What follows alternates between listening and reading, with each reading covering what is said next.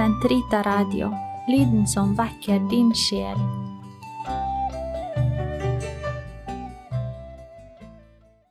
Kroppens teologi, en kommentar til pave Johannes Paul 2.s onsdagskatekeser av Eirik Ambrosius Stenhoff. Totus tuus ego sum, et omnia mea tua sunt, archipio te in mea omnia, prebe mi cor tum Maria. Episode 20 Kjærligheten i Guds plan. Høysangen og Tobits bok. Katekesene 108 til 117 Sjalu. Paulus snakker på sin side om at sann kjærlighet ikke misunner.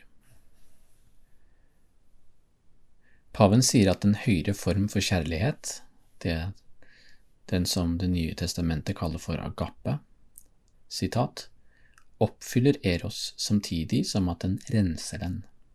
Sitat slutt. Det finnes altså en annen dimensjon ved mennesket, sier han, som taler til oss om en annen form for kjærlighet.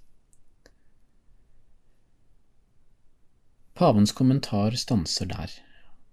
Kanskje ville vi ønsket at han fortsatte den, slik at han hadde kunnet utdype et tilsynelatende viktig tema innenfor onsdagskatekesene som helhet, nemlig menneskelig kjærlighet. Over 20 år senere, første juledag i år 2005, utga hans etterfølger, pave Benedikt 16., rundskrivet Deus Caritas Est, Gud er kjærlighet på norsk. Det bygger på etterlatte skrifter fra pave Johannes Paul 2.s egen hånd. Den første delen av rundskrivet omtaler den angivelige motsetningen mellom Eros og Agape i kristen tenkning. Det kan være verdt å nevne dette, eh, dette bidraget og det, det avsnittet helt til slutt her. Pave Benedikt skriver at mange i dag oppfatter den kristne tradisjonen som fiendtlig innstilt til Eros, altså begjæret, og dessuten til kroppen.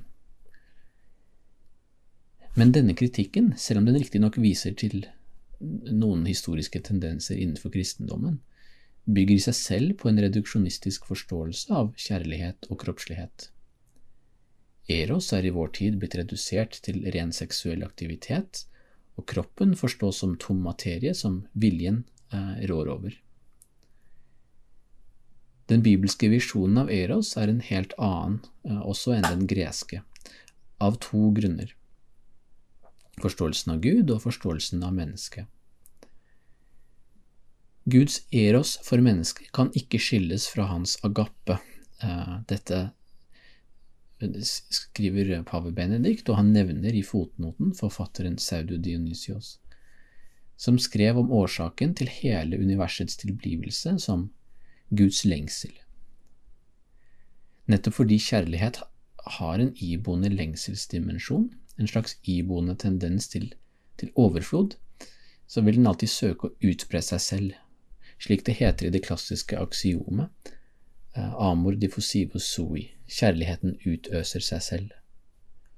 Og det oppsummerer egentlig sammenhengen mellom Eres og Agape.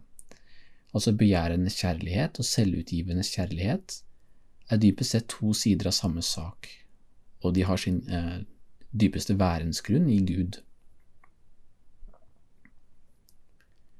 For det andre nevner Benedikt at mennesket, skapt i Guds bilde, er skapt for kjærlighet.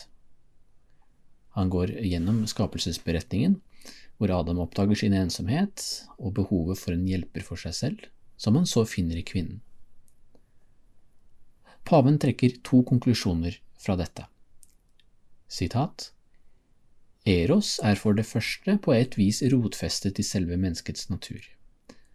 Adam søker kvinnen, og bare sammen kan de to utgjøre den fulle menneskehet og bli ett kjød. Det andre aspektet er like viktig. Fra skapelsens ståsted driver Eros mennesket mot ekteskapet, mot et bånd som er unikt og definitivt. Bare på den måten oppfyller det sin dypeste hensikt. Det monogame ekteskapet svarer til bildet av en monoteistisk gud. Sitat slutt. Pave Benedikt den 16.s refleksjoner over Eros, som til syvende og sist alltid peker mot en høyere kjærlighet, står ikke i motsetning til Johannes Paul 2.s refleksjoner over det samme temaet. Det vi imidlertid bør si, er at høysangen, forstått ut fra sin teologiske og historiske kontekst, beskriver storheten og skjønnheten i menneskelig kjærlighet, utvilsomt, men også noe av dens ufullkommenhet og sårbarhet. Det er i en, enn i en eh, frelseshistorisk forstand uforløst kjærlighet.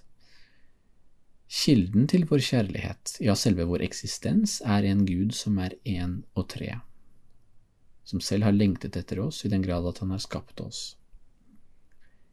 Kilden til kjærligheten er nettopp ikke oss selv og vår kroppslighet og det er i seg selv en uvurderlig innsikt i en tid hvor et slags nygnostisk syn gjør seg gjeldende. Den forfekter at kroppen er en meningsløs størrelse i seg selv, som vi deretter investerer vår egen mening inn i. Denne kulturen verken forstår kroppen eller kjærligheten, men kaster om seg med tomme slagord om at kjærlighet er kjærlighet, selvsagt helt, nettopp helt løsrevet fra fra, fra kroppens konstitusjon.